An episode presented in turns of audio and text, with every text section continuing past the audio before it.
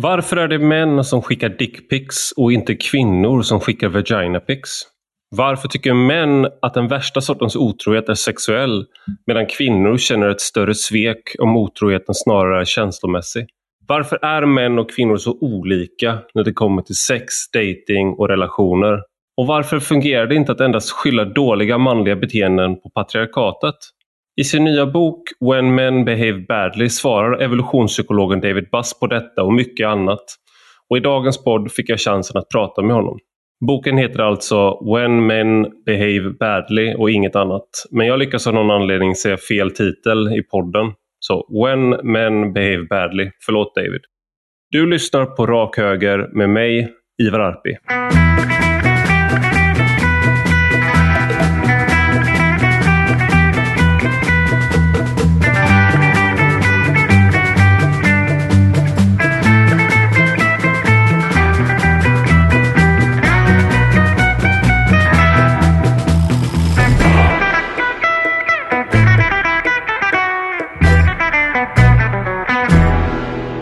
So, welcome, David Buss, to Rak Höger with me, Ivar Arpi. Oh, yeah. Well, uh, thank you. It's a delight to be talking to you.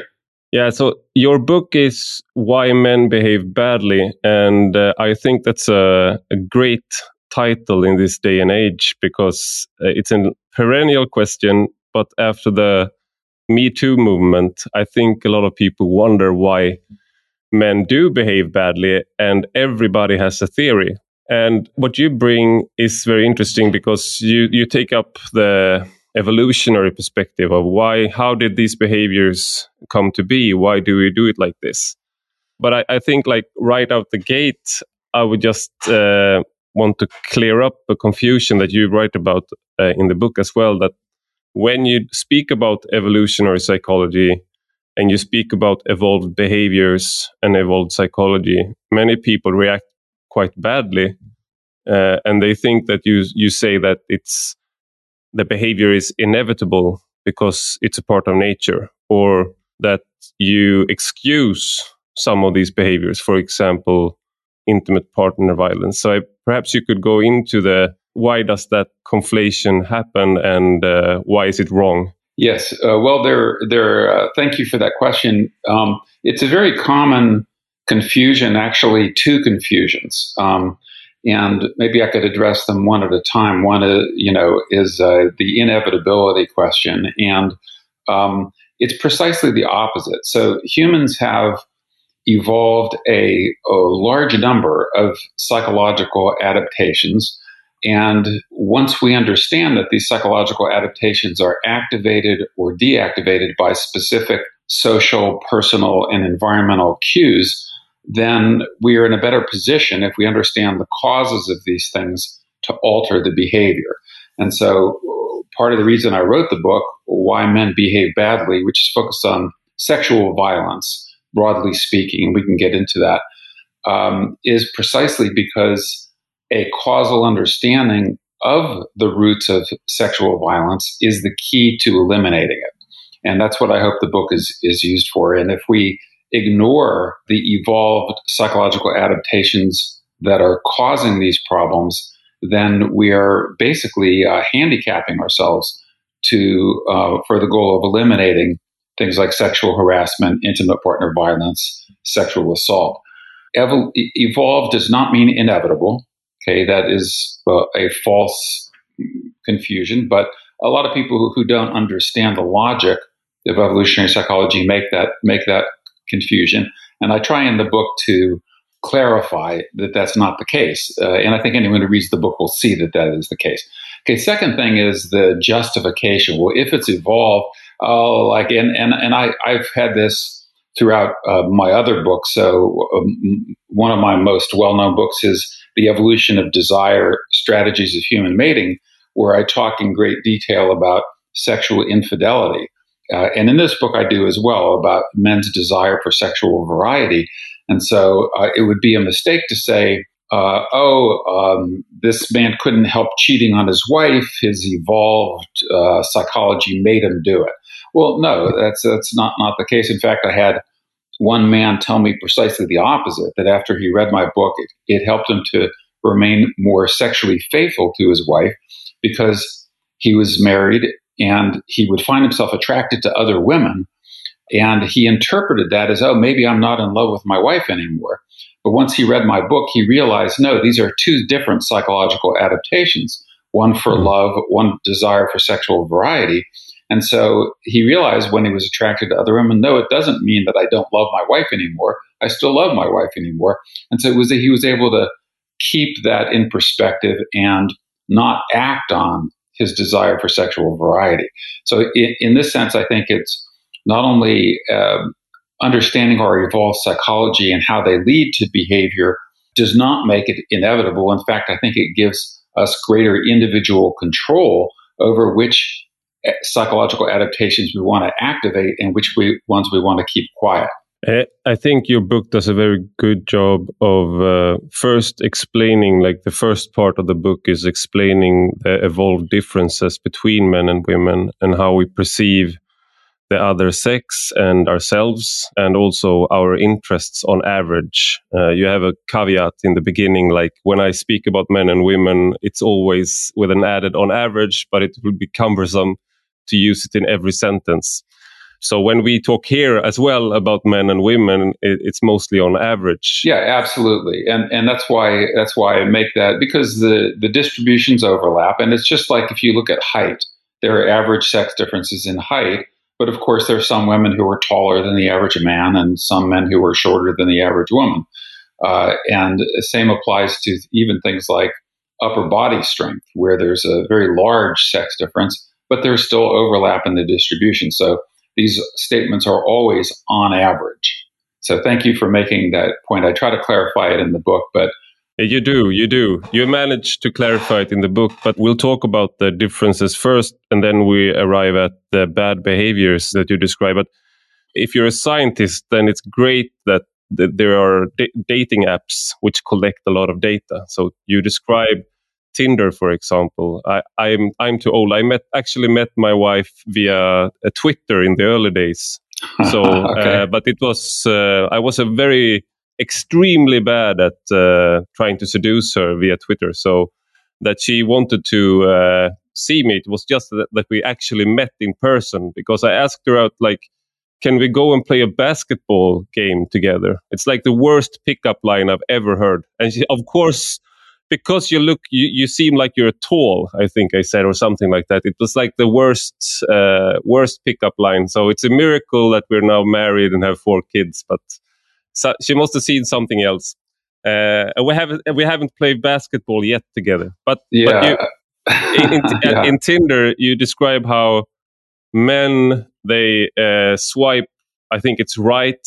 They say they're interested in, ex- in a very large amount of, of women. It's like a strategy. Yes. swipe a lot of women, and women they swipe very few men. Yes. And and and one one other other thing that I, I wanted you to elaborate on is that like the average man is not that attractive to the average to, to women but the average woman is kind of attractive to to men so there's two different yeah. distributions there of, of who attracts women and who attracts men yes yeah, yeah absolutely and these are i mean these really to me are these are fascinating sex differences so tinder is an app and i don't know if this is true in sweden but in the united states it's basically a hookup app so it's an app for casual sex uh, and so that's why, you know, a lot of the men on it. So there's some estimates that 30% of the men on Tinder are in fact married or in serious relationships and they're looking for sex on the side.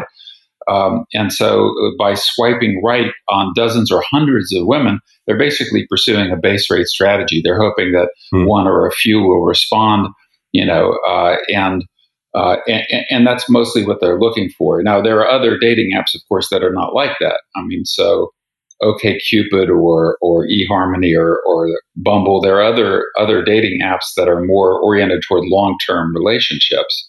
So, but yes, this is one of the the second finding that you mentioned is one I talk about in the book, which is that women eh, on dating apps like Tinder are attracted to guys in the top twenty percent you know, and so they get the top 20% guys get the vast majority of interest from the women. And what that means is that 80% of the men are kind of out of luck. Uh, and and it, this is again a reflection of the fact that women are more discriminating than men when it comes to short term mating. So when it comes to mm-hmm. long term mating, the, the key is investment. So uh, going back to sexual selection theory and Trivers' theory of parental investment, where the sex that invests more tends to be more choosy or discriminating or discerning or intelligent about their mate selections, and the sex that invests less tends to be um, less choosy, less discriminating, and more competitive with members of their own sex for sexual access to the opposite sex.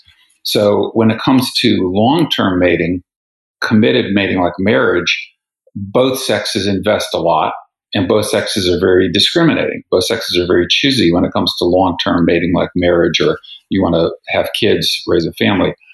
Uh, but when it comes to short term mating, women are still very choosy and men become embarrassingly less choosy.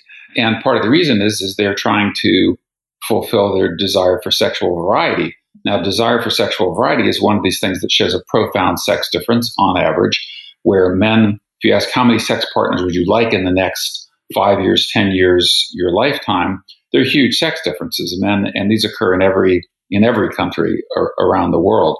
Um, women say, you know, I like one or I'd like a few, or maybe I'd like five, although a few women put higher numbers. But men say, I'd like a dozen or 25 or 100, or a few say they would like a thousand. Uh, and so, and so these are enormous sex differences that, that are highly replicable and are one reflection among many of men's desire for sexual variety. Many other studies show the sex difference, like uh, uh, consenting to sex with total strangers. So there's the experiments where a member of the opposite sex walks up to someone you know, it says, Hi, I've been notice, noticing you're around. I find you very attractive. Would you have sex with me? And women approached by men, uh, zero uh, percent, uh, unless, unless the guy's like really attractive. A 10 um, out of 10. yeah, if he's 10 out of 10, maybe you get a few percent of the women saying yes, but something like 75% of the men say uh, to the woman yes. Uh, and of the 25% who, who do not, they sometimes ask for a phone number and a rain check.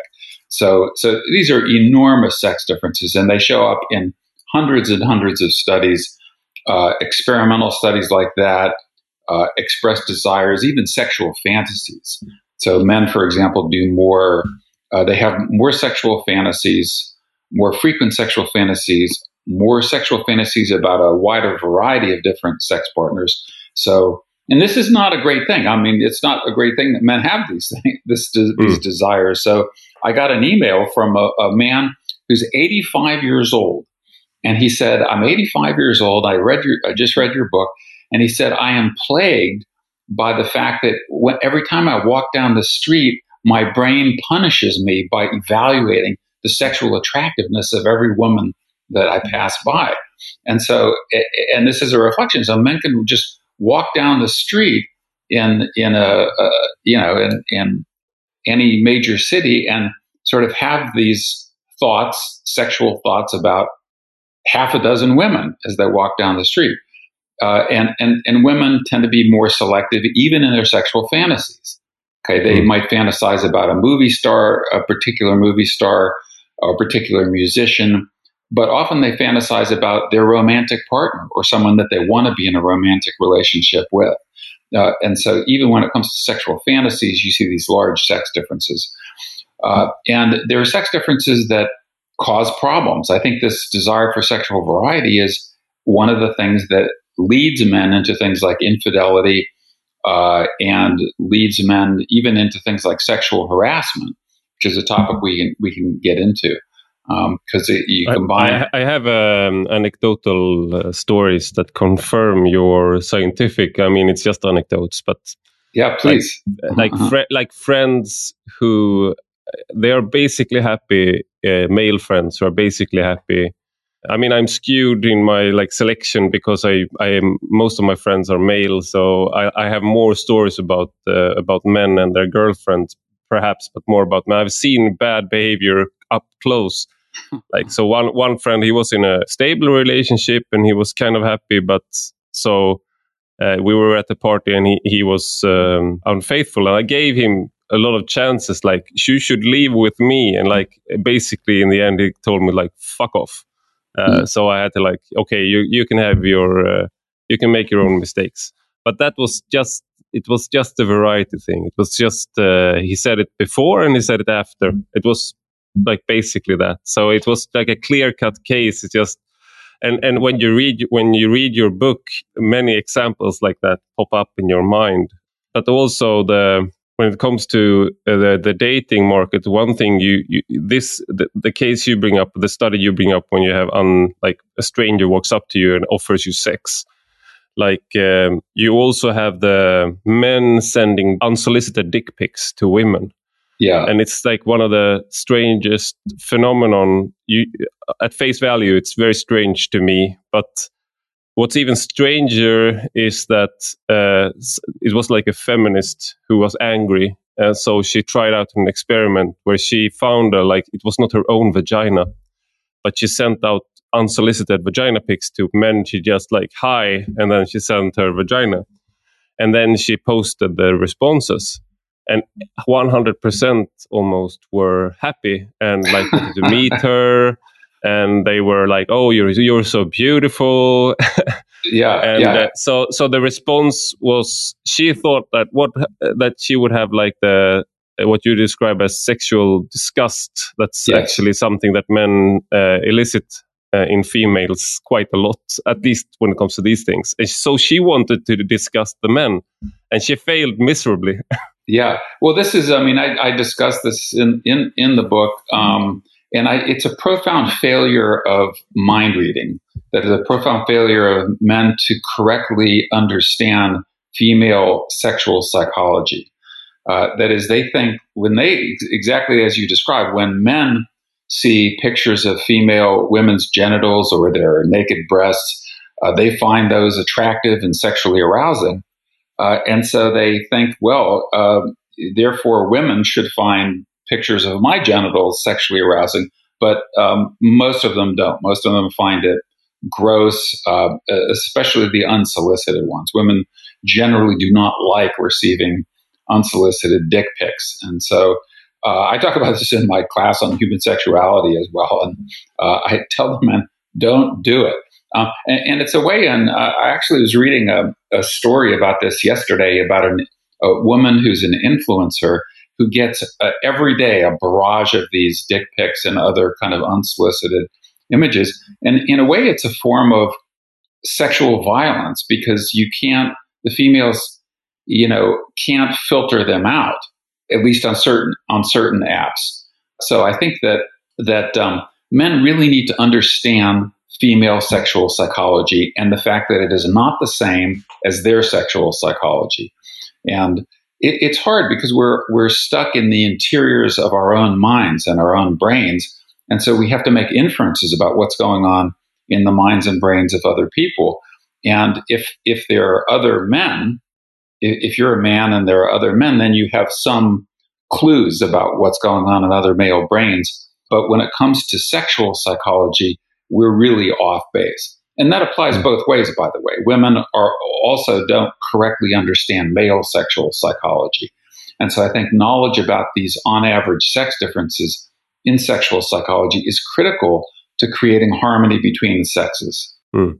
And one thing that men do is that they um, have a misperception of how attractive they are and what like if you have it from a scale of 1 to 10 you if you're actually a 6 you might have the self it's more prevalent that men have a self perception that perhaps they are an 8 yes so yeah. so when they so when they see an 8 uh, they they think that they are on par and uh, you also have like men punching above their pay grade or trying to much more yes, uh, yeah, and and it's important to recognize also individual differences in that proclivity to overestimate your own desirability. Uh, men who are high on narcissism and men who pursue a short-term mating strategy are especially prone to overestimating their mate value and also overestimating women's sexual interest in them. And so this I get into this of um, this is a really profound feature of male sexual psychology is the sexual overperception bias. That as men see women, they find them attractive, and they think they find it inconceivable that a woman doesn't find them attractive as well. So, uh, but often, like say, when a woman smiles at a man, he thinks, "Oh, she's interested in me," whereas in fact she could be being just friendly or polite, uh, or even nervous if the guy's a little creepy. Uh, mm. So, uh, so this male sexual overperception bias is critical uh, to understand uh, because it's one of the causes, it's one of the features of male sexual psychology that leads to sexual harassment. And that's, of course, a sexual harassment is a very widespread problem that we want to eliminate. We can't eliminate it unless we understand the causes of it. And the male sexual overperception bias is one of the causes among several. You, you bring up a really ridiculously clear example. I think it was a US senator in the 90s yes. who was in the copying room and um, he was um, convicted of sexual harassment. And and but in in his own statement, he said something to the effect of, "But how how can she not be interested in in me sexually because she knows I'm in the Xerox room and I have my uh, shirt uh, buttoned up a little, uh, showing my forearms, and they're always pulsing with lust. I mean, he told said that of himself. Like he, yes. he, his perception of his like raw sexual attraction for women or attractiveness for women was through the roof. So right. he couldn't like put it into his mind that someone uh, could not like if she enters that room, then of course she knows what will happen and she wants that to happen. Yes, right, so, I, exactly, and and uh, and that's why he was, uh, I think, accused by, if I'm remembering correctly, something like 20 women of sexual harassment, where his male sexual overperception bias was leading him to make sexual approaches that were that were unwanted and un, unwarranted. But, but that's why I think that this knowledge can be very useful because um, you know if a man experiences this, looks at a woman, thinks, "Oh, she smiled at me," or she accidentally brushed up against my arm, that must have been an intentional signal to me that she's interested. If men are aware that they have this error, this bias to over infer sexual interest when it's not there, then they can perhaps curb themselves and prevent themselves from acting on sexual uh, their their sexual attraction and lower hmm. the rates of sexual harassment. I think it's a goal that we all want. And it it also explains. I mean, you have on the on some corners then of uh, internet you have the incel culture.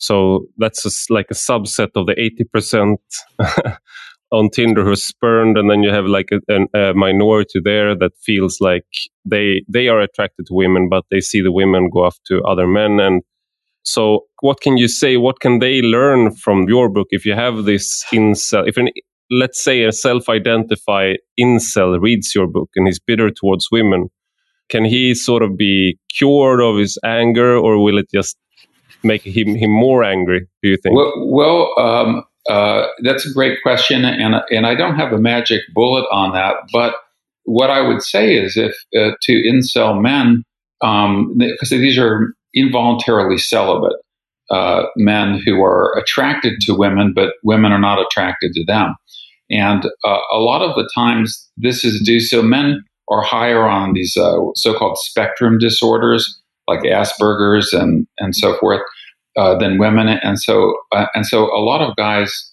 uh, don't have the social skills to approach women, um, but these can be learned. Social skills can be learned, and also there are things that men can do to increase their own desirability, their own mate value. I refer to these as mate value. So women value a wide variety of things in men. They value physical fitness. They value cues to good health. They value a guy who is uh, reliable, dependable, emotionally stable, who's uh, ambitious, who has goals in life, who has drive, who has uh, good a good job, good work. Um, and so these are all qualities that can be improved. And so men can do things to increase their mate value to women and um, and thereby solve the incel problem. Uh, uh, and they can also develop social skills uh, that hmm. uh, that people, men who are on the spectrum disorder, uh, sometimes they they might even have desirable qualities as a mate, but they're too socially awkward to approach women effectively. And maybe maybe you were one of these with your basketball thing, but clearly it's worked out very well for you. yes, you, it worked you, out well. I think I wasn't an incel, but uh, it, I was a, an awful. If you if there are some guys who are pickup artists, I wasn't one of them. That that wasn't the skill I had. Uh, right, right. Had, but, the, but I, you, you, don't need that though. If you're if you're interested in long term mating, you don't no. need the pickup artist skills. Exactly. You know? but the, the mate value term is sort of uh, getting your IQ on paper or something like, oh, you're 89 or something like that. It, it's, it's, it's hard to swallow perhaps for some people that you're mating, that there's a, a value that people put yes. on you. But, but you know, uh, deep down, you know it's true because you have friends who are more beautiful, who are more successful, stronger, funnier. I have a friend, he's, he's much more good looking, he's stronger, he's smarter, and he's more fun than I am. So it's basically awful. It used to be awful to go to parties with him because you, you, never got any attention in, in, in no area. But so, so, you have these examples anecdotally that you know deep down, like, okay, he's, he's a greater catch than I am. But the discrepancy between like how I think we could go into the, the bad behaviors now because one cause of the, uh, the, disc, um, of intimate partner violence, for example, or or breakups, and which can cause some some men to to uh, behave very like stalk and harass and and and also to violence, is a discrepancy in mate value, and when that shifts, when you perhaps you are on par with each other for a while, but then the woman shoots up her value with success or something. Yes. Yeah, well, that mate value discrepancies are one source of intimate partner violence, and um, and so there are different causes of those. Some one of the things I talk about in the book is that sometimes um, older men are able to get with a younger woman before she has an accurate assessment of her own mate value. And so then over time, she realizes, in fact, she's higher in mate value because she's getting attention from many, many other guys, and that and so that's one source is uh, sort of mistakes in the early mate selection uh, uh, process. But then the other is that even a couple who is similar in mate value can become dissimilar over time, as you said. So one partner could become more successful, uh, another partner could lose a job or or become alcoholic or addicted to drugs or uh, lose mate value for a, a variety of reasons. Uh, and so one of the things that happens is that men who are lower in mate value than their partner, if they don't have the benefits to provide, if they don't have the the value to keep the woman through benefit provisioning, they sometimes engage in cost infliction. And that could be both verbal abuse or physical abuse. One of the interesting things that I found in my study, perhaps disturbing, is that verbal abuse and physical abuse are correlated. That is, people who engage in one form of abuse also tend to abuse their partner in the other ways as well. And so men will sometimes try to undermine their partner's self esteem, telling her she's ugly or unattractive or fat or undesirable. And, and then, of course, sometimes they use physical violence. And one of the things that I was shocked by that I talk about in the book is the high lifetime prevalence rates of intimate partner violence even in countries like like Sweden. So it's something like 27% or so. It's it's almost a third of women will experience some form of intimate partner violence over the course of her lifetime. So this is mm. it's a pretty it's a pretty widespread problem. And again, understanding the causes will help to create the cures. Obviously, you know, intimate partner violence, like sexual harassment, these are forms of attempts to bypass female choice. And female choice, that is, female ability to choose who, when, where, and under what circumstances she consents to sex, this is like the first law of mating. Uh, and men's sexual harassment, men's intimate partner violence, these are things that attempt to bypass or undermine females' freedom of choice. That is, intimate partner violence often occurs when the woman decides she wants to leave the relationship and the man does not want her to leave because he realizes at some level he will never be able to replace her with a, uh, a mate of equivalent mate value. Uh, and so, and so uh, the violence is sometimes a last ditch attempt to kind of keep her uh, when she wants to leave. Uh, and so, um, and, and, one of the other things I talk about in the book, and this would be useful for women to know, is what are the predictors of intimate partner violence? And some of the predictors are things like if he tries to cut off her relationships with her friends and family, if he insists on knowing where she is at all times, things like that, if he verbally abuses her, uh, insults her, uh, these are statistical predictors. They don't invariably mean that physical violence will occur, but they're statistical predictors that increase the likelihood that a woman hmm. is in danger. And so women can use this information if the guy starts to engage in these, you know, extreme forms of mate guarding, that uh, she needs to get out of there because these are mm. these are danger signals.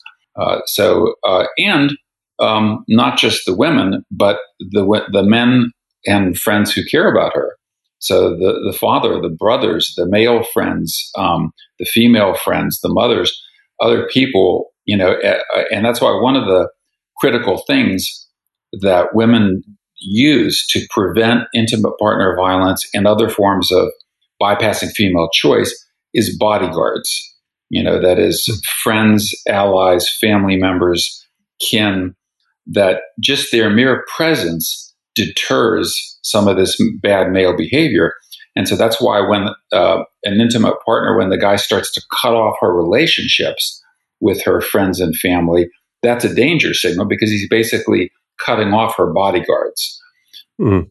What, what kind of, of um, because one of the explanations that you also bring up in the book is um, to say that it, this is because of patriarchy and patriarchal ideologies. And that's one of the most common explanations. Um, so basically, in our culture, we learn that women should uh, be sub- subordinate to men and men should hold the power in the relationship and men are taught in childhood and in our culture that we are allowed to hit women and control them and use violence. So if we are to solve the problem of men's violence against women then we need to change the culture the rape culture and uh, crush the patriarchy so to speak. And I see some uh, overlap in like what you describe in your book with I would say that you could still be a feminist and agree with much in your book but I think this is one of the key conflicts in how like the this theory does not match uh, it doesn't match 100% with how you view uh, the issue and yeah like, well, well so yeah. So so well the, there there's overlap. So um, there are a couple things I have to say about that. So, so one is that um, you know patriarchy as a kind of universal causal explanation for all the bad stuff um, is, is, simply um, is simply wrong. Okay, but there are senses in which it is correct, in, in the sense that there are senses in which there it is part of the causal process. Um, and I'll, I'll, mention that in a, in a second. But first, we have to ask the question: What is the origin of these tendencies? And the, the, what I argue is that the origins of what we call patriarchy are actually rooted in male sexual psychology and female sexual psychology. So, just as an example, um, one of the things that it, you know is uh, discussed is well, why do men control all the resources uh, in every culture that we know about? Well, part of the explanation is that women over evolutionary time have selected men, preferred to mate with men who had resources and had the ability to acquire those resources and devote them to her, to uh, them, uh, uh, the woman and her children. And so, uh, one statement by a famous evolutionary biologist is that men are one long breeding experiment run by women. And so, and so, women's mate preferences are part of the causal picture that have led men to be uh, to try to claw their way up the status hierarchy and get the resources that women desire. Uh, and so uh, and so that's that's A. Okay, B. There are what I would call patriarchal laws in some cultures. So there are some cultures where marital rape is is not viewed as rape. it's not against the law, or even cultures where uh, hitting a woman is not is not a crime, is is not illegal. Uh, okay, now it is in most Western European cultures and in the United States and Canada, uh, but there are still cultures in which it's not. And if you go back in time, in the United States, for example, uh, many of these crimes weren't viewed as viewed as crimes. Now, if you ask the question, who created these laws? Well, the laws are typically historically written by men, and they're written typically by men who are uh, in higher status and a position to write these laws, and they're reflections of male sexual psychology. And so, uh, so yes, I think it's important to get rid of these patriarchal laws, and I would call them patriarchal laws. And so, and so, I think that there, uh, um, there, there are elements of the patriarchy explanation that are in fact correct, but they require a deeper understanding um, and and uh, of the origins of these of these phenomena. Okay, the second thing I would point out is that um, many uh, who who invoke patriarchal explanations make a fundamental mistake that's incompatible with what we know about evolutionary theory, uh, and that is the mistake is that they assume that uh, implicitly, sometimes explicitly, that men are united in their interests in oppressing women. And from an evolutionary perspective, that even a moment's thought will reveal that that cannot be the case. Okay, for two reasons. Okay, one is that men are not united with other men; they're in competition with other men for access to mating access to women, and so men men don't have um, each other's best interests. Okay, and second, each individual, each individual man, each individual woman is allied with, has strategic interests in common with some members of the opposite sex. So every uh, like a man has interest has has a daughter um, or a mother or a sister or a female friend, and every woman has also a fa- father, perhaps a brother, male friends, and so forth. And so the sexes, it's not males as a group united in their interest in oppressing women as a group. That can't occur for these fundamental reasons. Uh, and so those who invoke patriarchy with, if they invoke that assumption, uh, are, are, are, wrong. And so I think a more sophisticated analysis would um, combine a uh, an understanding of our evolved sexual psychology with uh, correct notions of patriarchy rather than theoretically misguided notions of patriarchy. So uh, I have a um, you bring this up in your book, not not this specific anecdote, but I had a friend who studied medicine in when I lived in Denmark, and she was from the Tamil minority from Sri Lanka. So, and she was engaged to a higher caste man, and he was not very nice to her. So she found another. She wanted to break it off, and that's frowned upon in the Tamil society. It's a very honor honor based uh, society mm. and culture.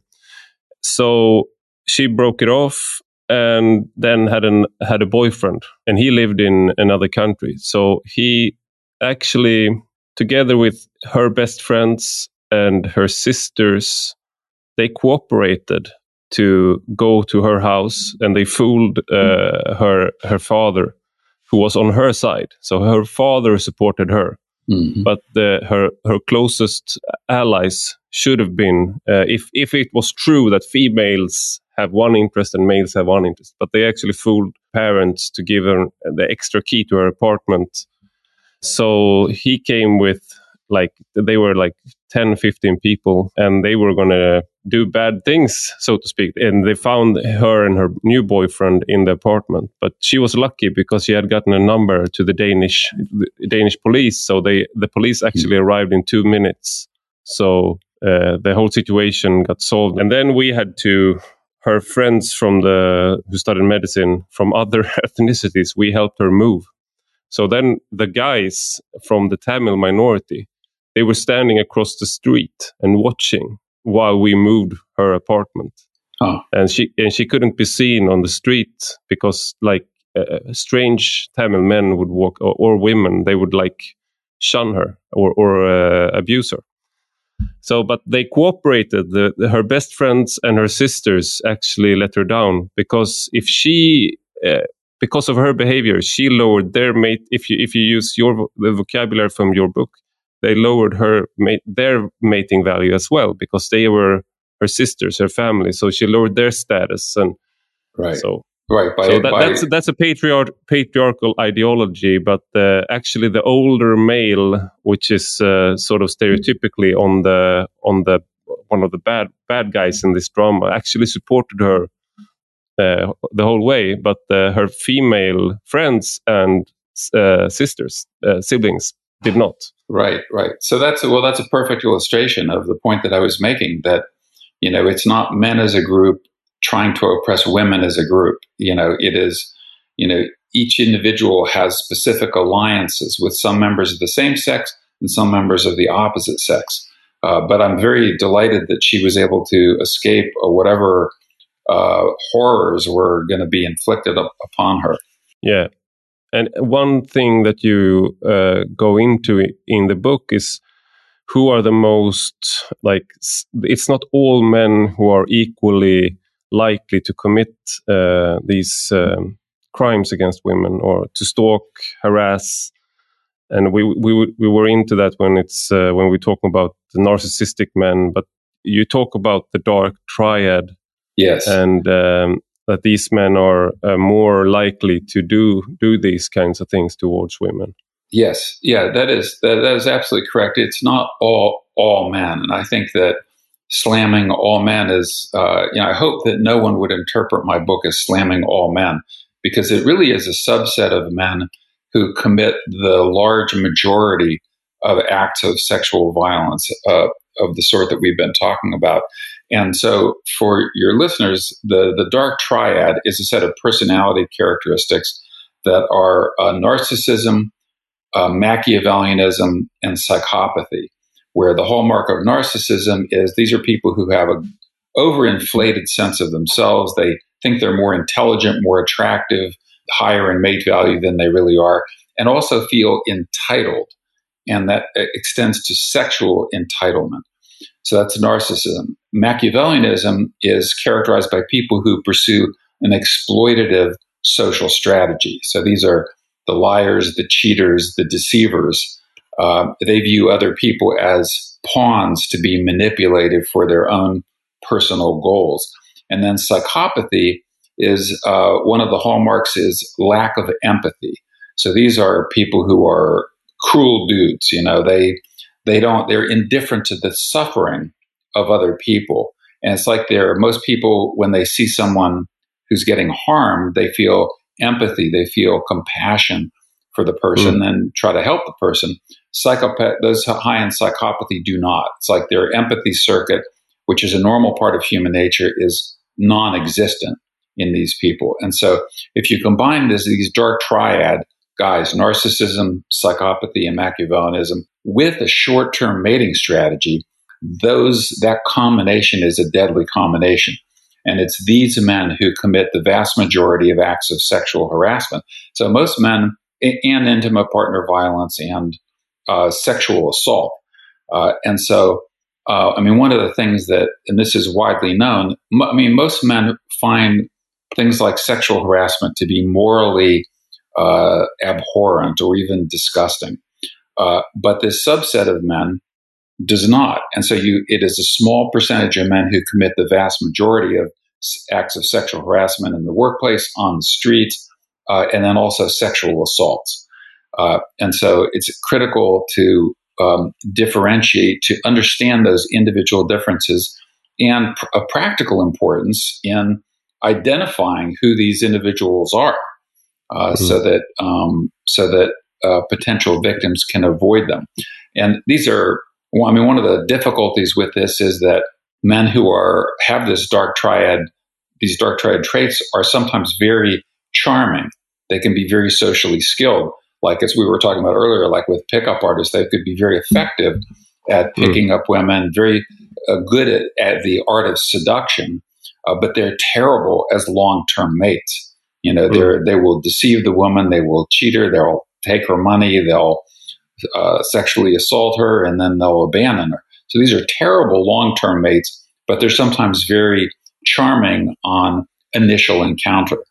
Uh, you bring up a very interesting experiment in your book when people come into the lab room and they get photographed in their ordinary wear, like how they how they came into the room, and then they makeup is removed and all uh, like adornments uh, is removed, and if you have a, a, haircut, it's just pulled back, so you're not benefiting from a, a nice haircut.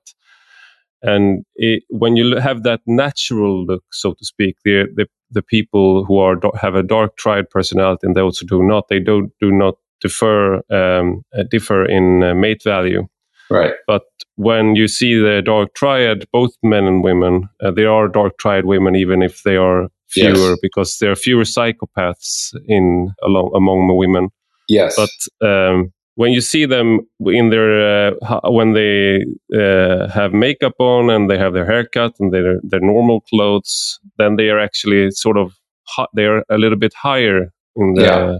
in their mate value. So you also right. have that like the anecdotal evidence, like the bad boy, the bad boys are so hot, or the I know I know he's bad for me, but he's so he's so he's so attractive. I mean, you yeah. You have that you can find that effect. I'm not sure how large it is but uh, there is still some truth to that uh, yes. Yeah well in addition so you're absolutely right. So the, the physical appearance so the, the high dark triad men and women put more effort into enhancing their physical appearance um, which of course everybody can do but the dark triad people do it a bit more. But the other attraction that dark triad men have for women is that they're often uh, risk takers, which women find attractive. Uh, they often um, put themselves at the center of attention. So, at a party, for example, they'll be the ones telling the jokes and telling stories, and and that's a cue to status, which women find attractive. So, people, the men who are the highest in status, or the women who are high in status, are the ones to whom the most people pay the most attention. And so, attention the attention structure influences that. And these high dark triad guys are very good at attracting attention from from the group. And so combine that with the risk taking, um, and uh, which signals also uh, like a, so, a social verve, you know, the social confidence. And women find that very attractive as well. And so these dark triad guys have qualities that women find attractive, uh, but they're attractive in the short term, but again, disastrous in the long term. And so I'm making a, a leap here, but you discuss stepchildren. Why do men even enter relationships when there are children from a previous marriage? It seems like a very stupid deal from an if you're just purely looking at it evolutionary. Well, well, uh, this is where mate value comes into play again, uh, because let's say the woman is an eight and the guy's a six, but the woman has two kids, and kids by another man lower her mate value. And so this guy who's a six is able to attract a woman who's an eight as long as he's willing to invest in her children. And so investing in, in her children is a form of mating effort uh, rather than parental effort.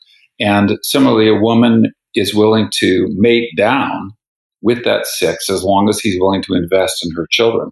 And so uh, this is where the, the, the, the harsh realities of mate, mating market and mate value and mate value discrepancies are critical causal variables in this mix and, and have to be understood. Now, after the mating has taken place, so after they, for example, they, got, they get married, then sometimes you see guys trimming back on the investment in the stepkids. Now, this isn't to say again, not slamming all men because many stepfathers uh, love their stepchildren and invest heavily in them and pay for their schooling and so forth. Uh, but but you're absolutely right that having a stepfather in the home is the single largest predictor statistically uh, abuse, uh, and and we know that on average men invest less in their uh, stepkids than in their biological children. And so, uh, and, and, I think that these are these reflect evolved uh, proclivities. I don't think we have adaptations to to harm stepchildren. I don't think we have adaptations to kill stepchildren like the lions do. But we have adaptations that judge that um, the guys just they don't feel uh, quite as much love for the stepchildren as they do to their own biological children. And one of the one of the uh, kind of um, harsh mixes is is when you have both. So if the woman has two kids by a prior mate, and then they get married, she gets married to a new guy, and they have a child together, then you have this additional complication that uh, that you have one kid in the home that's biologically related to both mother and father, and then two kids in the home that are just biologically related to the mother and not to the father. And that's where you find some additional form of conflict combined with the fact that the children then are less genetically related to each other. So mm. they're only half siblings rather than full siblings of the with the new child. Uh, and so, but again, this is where an evolutionary lens adds clarity to understanding these family dynamics. So I, I have to tread carefully because uh, I have a step older stepbrother, and my wife has uh, two half uh, no not stepbrother half brother, and my wife has two half sisters. So uh, I'm not. This is no no critique against my my parents or uh, my, my parents-in-law, but uh, one also one thing like I want to close on the Me Too, like explicitly on the Me Too movement because it's been. Um, one of the effects has also been, I think, that we it's highlighted that men and women, at least in Sweden, it was very we had a huge Me Too movement here, and that men and women view consent differently as well. So men can perceive that if you lie in a bed together and you kiss, then you basically have consent, or, or you, you can have, and, and, and the woman doesn't think so, or I'm not saying that it is like that, but there are differences in when you what you're uh, allowed to do and how you perceive that. And I just want to close with like, how can we proceed now uh, if we we read your book and so we understand each other uh, each other and ourselves a little bit better. But like, are there any key lessons that we could our, our the listeners could bring with them? Yes. to not get themselves into trouble and also like educate people who might get into trouble. Yes. Uh, well, I think there are some important lessons I- in the book. And um, I'll just mention a couple. Okay, one is we have to understand that men and women do have fundamentally different evolved sexual psychologies. And unless we understand those sexual psychologies and the differences between them, then we're not going to get anywhere. So I think that's the first step is a deeper understanding of the sexual psychologies of men and women and, and how they differ. Second is the critical issue when it comes to consent of female choice. Uh, and as I said earlier, female choice is the first law of mating. That is, it is the woman's right, as it is the man's right, to choose, you know, when, where, with whom, and under what circumstances they consent to sex. And so we need to understand that attempts to bypass female choice is uh, is is a violation of that fundamental component of women's sexual psychology. Uh, so, a, a third thing that I would note is that when men are sexually aroused, they're more likely to engage in immoral actions, such as attempting to bypass female choice or force the woman. And that's why I think even their knowledge that when a man, when you become sexually aroused, you're more likely to try to bypass female choice. That knowledge can help prevent the man from doing that, prevent getting into trouble uh, from committing a, a, crime of violating female choice. So again, this is where. So these are three three things that I think that uh, listeners can take away from that. Again, all stemming from the fact that we under, need to understand the fundamentals of our of our mating strategies if we're going to ever reduce conflict between the sexes. I think reducing conflict between the sexes is that's the whole purpose of my book. Yeah, I, have spoken a lot about your book with my wife. I'm not sure if it has uh, reduced conflict in our marriage, mm. but it's very interesting, very interesting discussions nonetheless. So, thank you very much, David Buss, for being part of this podcast. Thank you. It's been a delight to chat with you. Och stort tack till dig som har lyssnat. Detta är alltså en del av en större publikation på Substack med samma namn som podden. Den som prenumererar där får två texter i veckan utöver den här podden varje söndag. Gillar man det man läser och hör så får man gärna bli betalande prenumerant för 5 euro i månaden eller 50 om året. Och Då får man också ta del av lite extra material som är exklusivt för betalande prenumeranter. Du hittar rubbet på ivararpi.se. Och har du några frågor eller synpunkter kan du alltid mejla mig på ivararpi Vi hörs om en vecka.